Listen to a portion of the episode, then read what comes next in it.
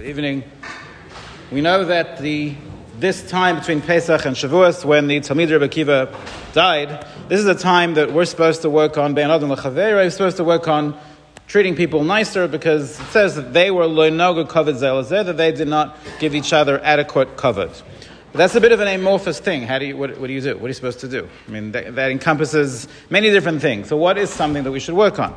So, Rabbi Revach mentioned something the other night at the Musavite. He gave us some very concrete suggestions. Um, I'd like to add to that one, one other suggestion. Um, much ink has been spilled to try and understand what does it mean that Leinagu Kovenzel is that they didn't treat each other with respect. I mean, they were gedolim, right? They were, they were amazing people. So, what does that, what does that mean? So Rabbi Elia Baruch Finkel says something very interesting.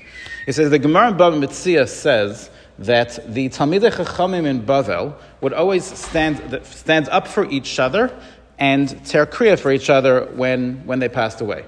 And Rashi says, what does that mean? Rashi says, even though they were colleagues, they were chavrusas, they were all friends, they treated each other like they were their Rebbe. And Rashi says, why?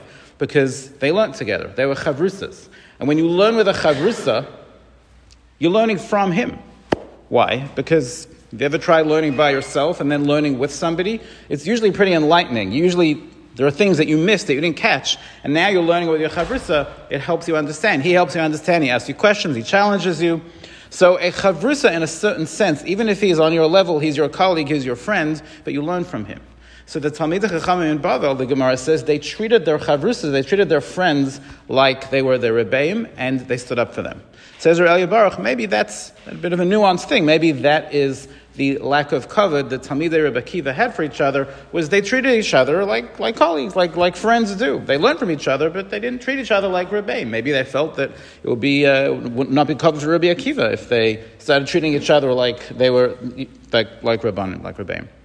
He says, but that was a time on them. They should have given each other a little bit more kavod. Should have maybe stood up for each other. Maybe they should have recognized that the chavrusa teaches, teaches them something. And he says, if you look at the Gemara, it's very interesting. The, the, how many were there? There were 24,000.